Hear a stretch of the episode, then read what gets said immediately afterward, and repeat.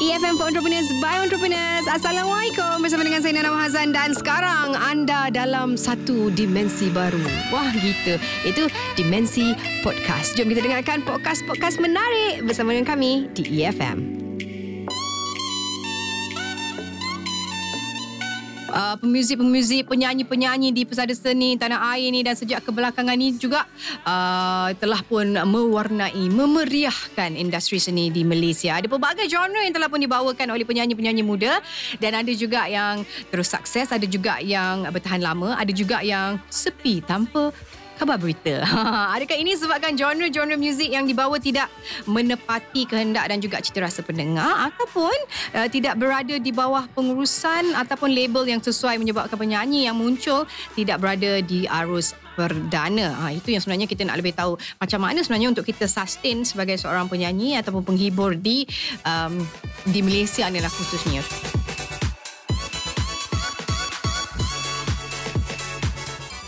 Di dalam studio sekarang ni kita nak ucapkan selamat datang kepada K-Main. Hello, apa khabar? EFM. Ah, ataupun nama Apa sebenarnya Nana? adalah Karil Azmin. Saya baik. Awak, awak baik eh? Ya, saya baik dan sihat. Alhamdulillah. Itu yang pentingnya. Tapi sebelum kita nak berbicara lebih mengenai bisnes K-Main dalam bidang muzik ini, mungkin boleh K-Main uh, ceritakan sikit lah latar belakang bila start menyanyi, uh, rapping kan sebenarnya. Okey. Mhm. Sebenarnya saya start minat dalam music rap ni memang dah lama lah. Mhm. Sejak dari bangku sekolah lagi. Uh-huh. Uh, memang first time tengok rap dekat Malaysia, kita tahu Too Fat lah. Uh-huh. Lepas tu saya betul-betul join dalam uh, industri rap ni waktu 2011. Uh-huh. Di mana saya dekat sini saya dapat uh, kenal dengan satu kumpulan rap ni nama dia The Bad Cave. Okay. Okay, so uh, dengan Batcave lah uh, kami mula start dengan independent. Uh-huh. Kita orang start record label. Uh-huh. So sampai sekarang kita orang dah release ada merchandise. Lepas Mhm. tu ada empat album. Wow. Okay. Uh, dua crew album. Uh, dua lagi solo. Uh-huh. Artis daripada independent records lah. Kelawar Mhm. Records. Mm-hmm. Okay, se- maksudnya bermula sejak tahun 2011. Okay, Kemin sekarang ni umur berapa if you don't mind sharing? Okay, saya sekarang berumur 28 pada Alah, muda bulan lagi. 12, 12, bulan 11 ini. Ah, muda lagi eh 28 tahun tapi dah berkecimpung kalau tengok 2011 sekarang 2018 7 tahun lepas. Kalau 28 tolak 7 21 tahun dah start. Ah, budak muda memang ah, memang you uh, when you start you memang tahu you nak jadi seorang rapper ke ataupun apa? I memang biasa dari kecil memang I selalu visualize lah I akan jadi uh, artis ke selebriti macam tu lah I selalu visualize. Okay, okay, okay, okay, okay, okay. That's good because bila kita visualize satu benda tu when we trust in it, kita akan jadi juga satu hari nanti kan. Okay, betul. Ah, terbukti lah ni sebenarnya. Tapi kenapa um, Kimin ataupun Kyrie ni tak nampak macam rapper? Macam Okay. lemah lembut je dia kan. Biasa rapper macam Itulah kadang-kadang kita ni macam ada Persona. Yes, split personality lah macam bila kita dalam lagu kita mungkin ganas sikit Ah, uh ah. tapi bila kita Malay, kita Aha. Malaysian kan uh so kita kena sopan santun lah bila Baik. Okay dan sekarang ni Kimin di bawah uh, syarikat rakaman mana? Ke masih lagi independent? Okay masih lagi independent Mhm. uh, uh, dan kita orang uh, under Kelawar Records tengah uh, buat lagi satu album Mhm. insyaallah dalam tahun ni akan keluar Mhm. uh, album ni uh, bukan solo collaborate dengan uh, group lah The Bad Cave Mhm. uh, dan nama uh, album ni Brown Boys Tape Okay, uh, ada bersama dengan Z Legacy dan Zaf Besar Wah, nama pelik-pelik kan rapper memang macam tu nama dia. Uh, Okay. rapper dia kena unik sikit Right. Okay, untuk album yang uh, Kemin bawa ni tajuk dia DOA. okay Aha, ada 16 lagu kau. okay Ah, Mostly antaranya banyak features juga lagu tu Mhm. ada macam uh, Arif Azmin Mhm. uh, ada dari Singapore Min Mhm. uh, dan ada local favourite uh, Saf dan Rah Lima Kaki. Rah lima kaki. Okay. Kenapa dia ada lima kaki? Takut kita. Ah, kita biasa tahu kaki tiga je. Cap kapak. okay, kita akan kembali selepas ni bersama dengan Kemin dengan uh, bisnes dia pula. Sebab bila kita menjadi seorang uh, pemuzik ke, uh, penyanyi ke, even rapper ke, kita memang macam macam Kemin pun sebut dia ada buat merchandising dan sebagainya. Eh, Dah itu dah masuk kepada entrepreneurship. Okay, on the business side of it, bila you dah masuk dalam industri ni, Okay. uh, apa ni uh, kebanyakan yang kita tahu talent kita tu adalah produk yang apa yang kita nak Betul. jual. Maksud as you as entrepreneur yourself selain daripada menjual bakat, menjual diri uh, kita dalam uh, industri ni, Okay. benda-benda lain yang uh, you buat bisnes. Okay, music ni actually dia punya business side dia sangat luas. Mhm. Let's say macam okay kalau kita uh, seorang yang pemain instrumen kita main gitaris kan. Mhm. Okay, actually kerja kita bukan just main gitar, kita Mhm. boleh apa kita boleh jual gitar, kita Mhm. boleh jadi cikgu Main mengajar gitar. gitar. Mhm. So dia luas lah. So okay dalam kita orang ni kita orang bukan sekadar sekadar kita orang buat muzik, Mhm. kita orang juga ada join-join NGO yang kita orang buka workshop untuk belajar rap, rap Mhm. workshop Wow. dekat kita orang tour uh, PPR dekat uh, Kelang ni lah, Lubuk Mhm, Kelang kan. mhm, mhm. Uh, and then kita orang ada buat merchandise juga Mhm. untuk fans, uh, mostly fans lah yang Mhm. betul-betul support lah. Ada orang akan beli t-shirts, kita ada keluarkan t-shirts, Mhm, ada keluarkan caps. mhm, Lepas tu sekarang pun uh, memang zaman internet kan. mhm. Uh, mostly kita orang memang uh, marketing wise memang kita orang promote Online, online, social media lah. social media Mhm.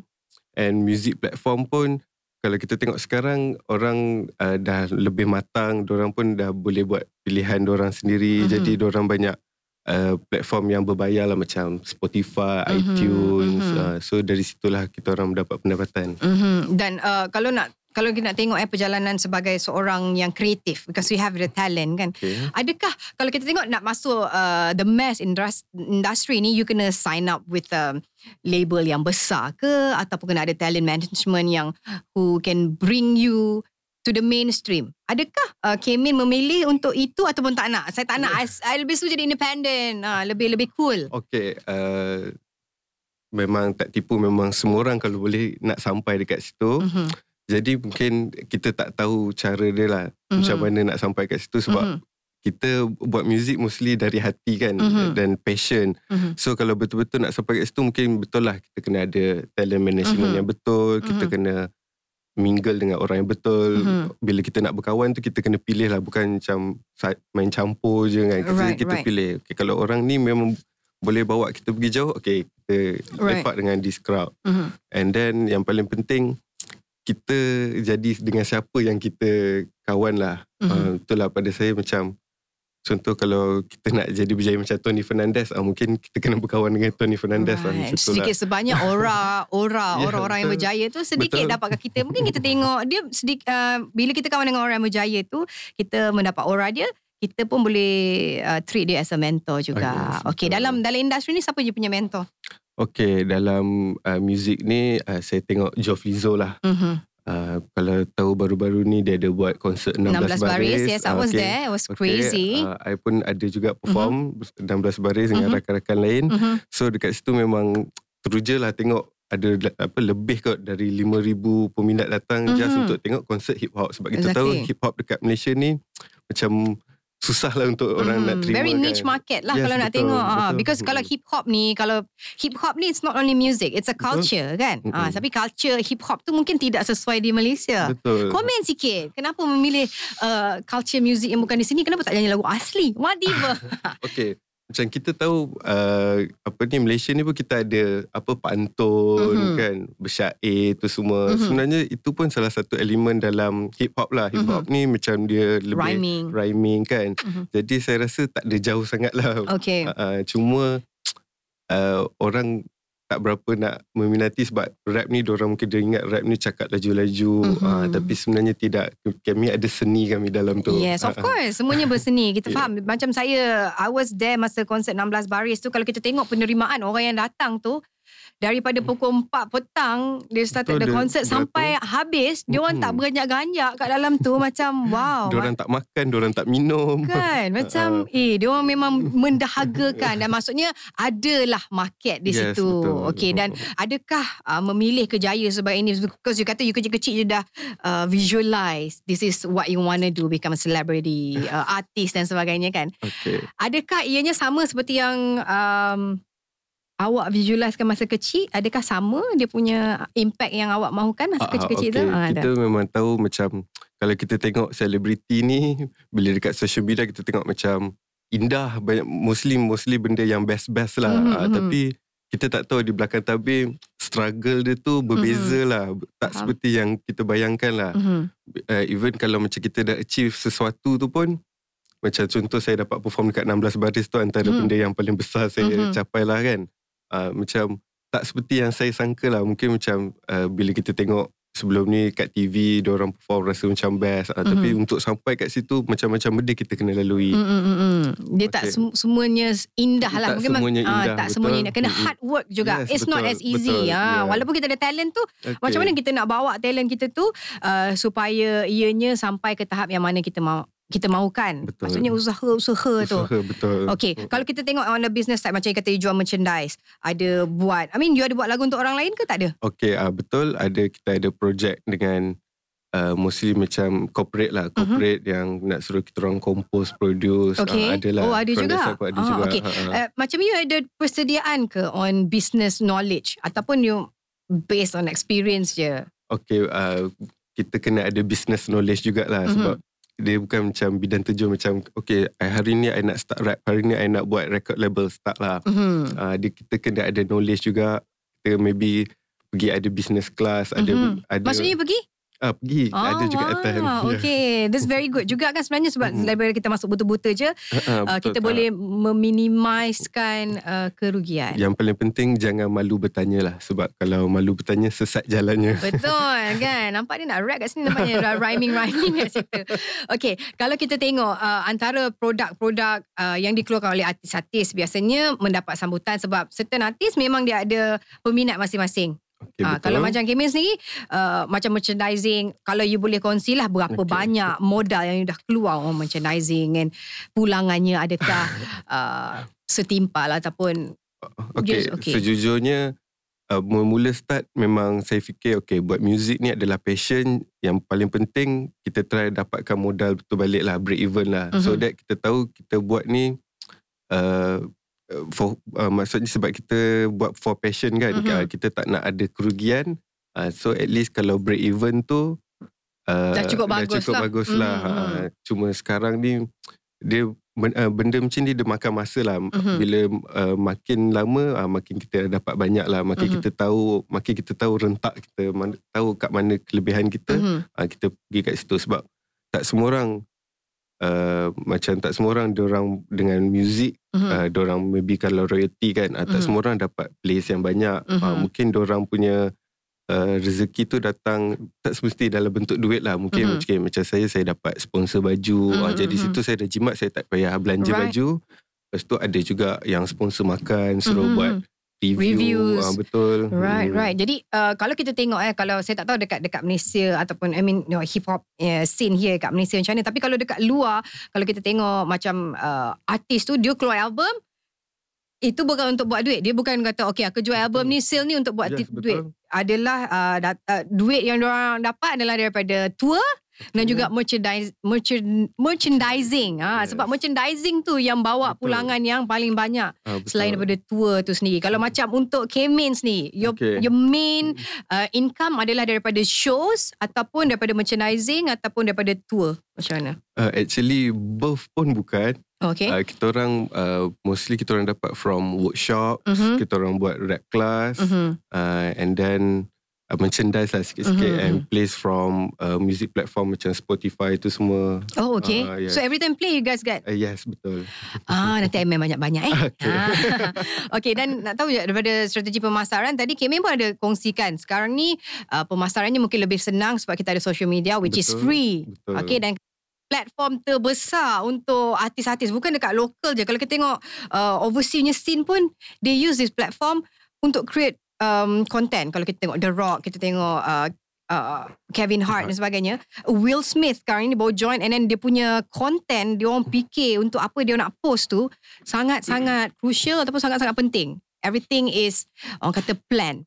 betul Kalau untuk Kimin sendiri? Okay, betul lah.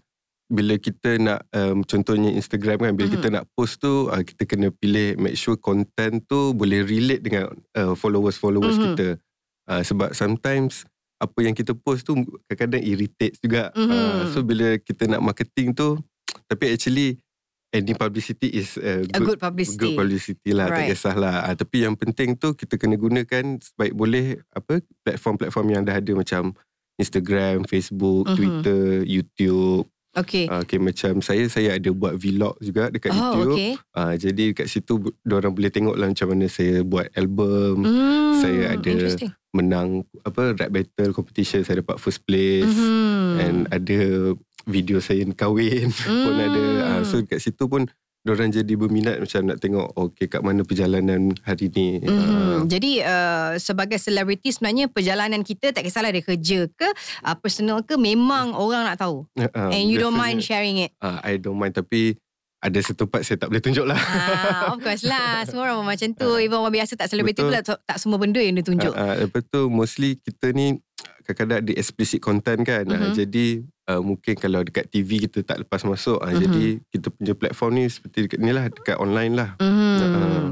Tak baik tau explicit content tu budak-budak tu kadang-kadang yang baik tak adalah. Okay, uh, social media marketing it's to promote you dalam uh, kadar yang minima sebenarnya kan kalau kalau kita tak ambil ads whatever pun Okay. kita tak payah ada uh, modal pun untuk Betul, buat marketing betul. secara online. Betul. Uh, tapi kalau kalau macam you sendiri ada tak you engage siapa-siapa ke graphic designer ke video shooter ke yang untuk uh, shoot for your content? Okay, yang bestnya pasal Kelawar Records ni kita ada in-house uh, producer, ada in-house composer, apa composer, Mhm. kita ada videographer juga. Oh wow. Jadi uh, kat situ kita dah jimat lah kos kita. Mhm. Uh, So Kelawar Records tu it's owned by by uh, my friend uh, Dafrosti also known as Aiman Mistri Mhm. yang wife dekat luar tadi tu Oh, Hasbi. wife dia ikut juga Hasbi tu. Hasbi kita kenal ke dia? tak kenal. Okay. Oh okay Dan uh, sedikit sebanyak perjalanan eh Perjalanan you as a artist Kalau nak tengok dah tujuh tahun ni kan Okay. Apa lagi agaknya yang you nak achieve? Okay, um, I nak ada radio play yang hit lah. Mhm. Satu lagu hit dekat radio play. Mhm. Uh, yang penting uh, saya dapat teruskan lah buat benda ni. Mhm. Uh, hopefully kalau ada rezeki. This is a full time job? Uh, no, Tak, I have ada- ada job juga. Ah, ada kerja lain juga, Ah, faham. betul. Iaitu sebagai I ada buat bisnes makan-makan. Oh okay Ada bisnes makan-makan Ada restoran ke? Uh, ya betul saya ada restoran uh, di Bandar Sunway. Mhm. Uh, saya jual ayam penyet. Uh, apa nama kedainya? Uh, uh, dapur Mentari. Ah, itu bukan franchise lah. Uh, bukan. Ah, uh. Dekat dekat Sunway dekat mana? Dekat dataran. Dekat dalam uh, apartment Mentari Court tu, uh, dekat kedai-kedai bawah tu, Ah. uh, salah satu kedai ayam penyet. Ada, ada satu je kedai ayam penyet Dekat dekat, situ. Uh, okay, so kedai- you you yang buat sendiri ke ataupun uh, uh, I ada pekerja lah. of Ya, course. uh, okay. tak maksudnya kedai tu you sendirilah. Ah, Uh, yes, you a joint betul. venture dengan Ah, family ke? Tak ada Ah, ke tak? ada. Uh, uh. Right. So maksudnya kedai ni dah berapa lama? Uh, before this, uh, sebelum dia jadi kedai ayam penyet, sebelum ni saya pernah buka gym. Uh, tapi oh, wow. kita ni kena tahu lah kadang-kadang apa yang kita nak tu tak selalu dapat kan. Tapi Mhm. yang paling penting kita kena tahu uh, apa jalan untuk counter balik. Mhm. Okay, kat situ saya nampak mungkin gym saya tak boleh sustain. Mhm. Uh, jadi saya jual equipment uh, gym, Gym tu, saya. okay. Saya buatkan jadi modal untuk buat ayam penyet. Right. Tu ni cerita tahun bila ni? Dah lama tak Uh, kedai ni? Kedai makan kedai ni? ni kira dalam uh, 2012 2012 lah. Oi, dah Ah. lama juga. Ah, ah. Enam tahun. Ah, dah 6 tahun dah kedai ni. Macam mana uh, bisnes dia okey? Alhamdulillah uh, memang kiranya market dekat situ memang uh, mostly banyak Indonesian duduk kat situ. Mhm, so bila saya buka ayam penyet kat situ kira macam jackpot lah tempat tu. Kan betul sebenarnya seorang entrepreneur adalah menyelesaikan masalah. Mungkin orang Betul. Indonesia tak boleh nak makan ayam penyet kat Indonesia. ah kita buka kat situ dapat. Ah dan kalau kita nak cerita sikit pasal that business masa you nak buka tu ber- berapa uh, modal yang dikeluarkan untuk dah ada satu Uh, sebab I dah Kedai makan. dapat, I dah ada premise kan, I dah ada uh, tempat untuk buka. oh, maksudnya kat situ tempat gym tu dulu.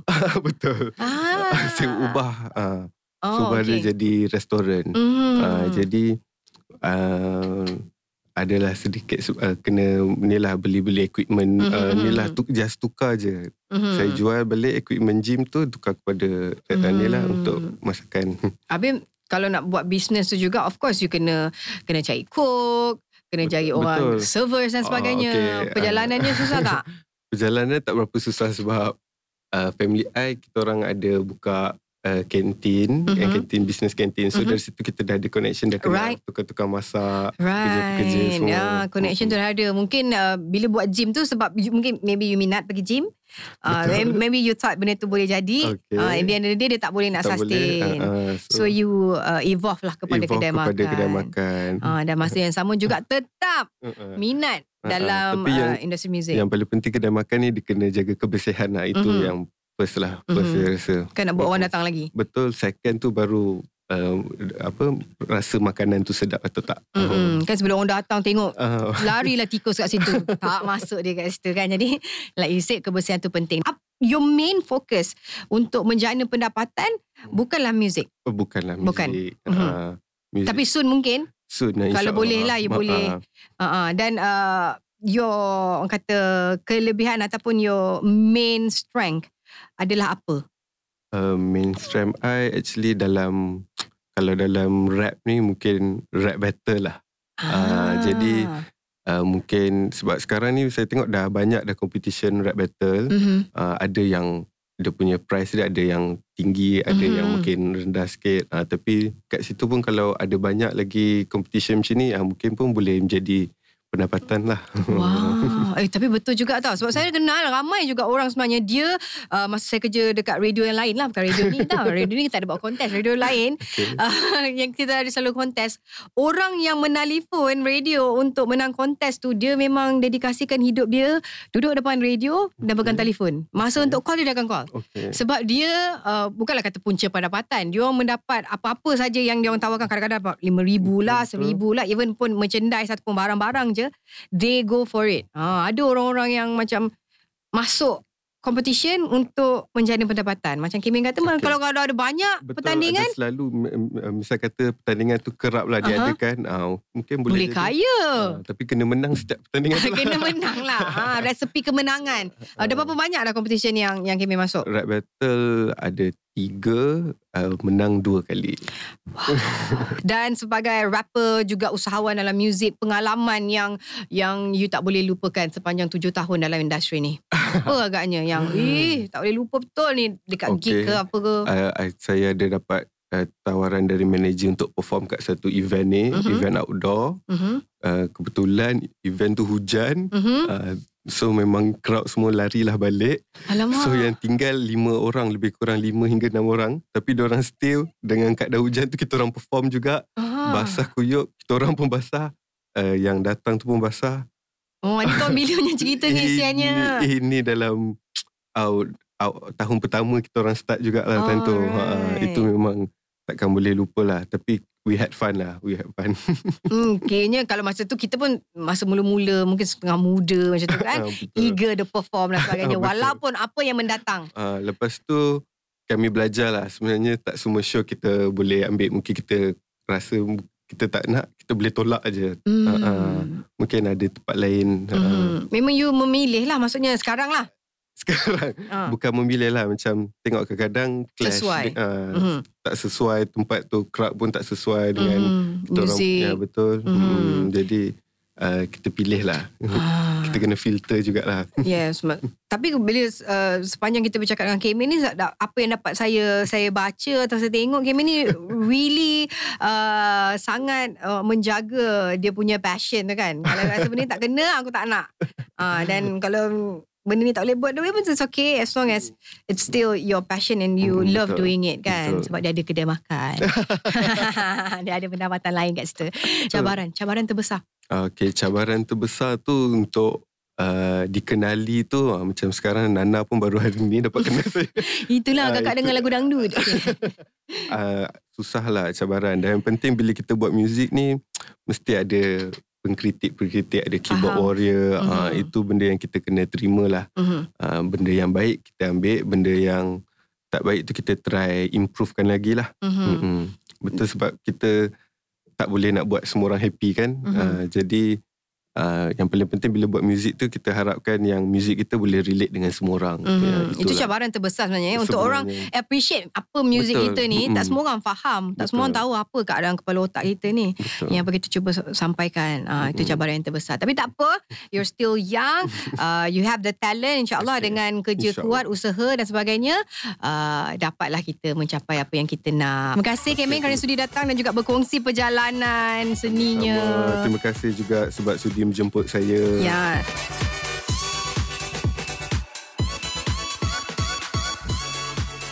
Itu dia antara yang menarik yang dapat kami sajikan untuk podcast kali ini. Pastikan anda terus scroll untuk dengarkan podcast-podcast yang lain.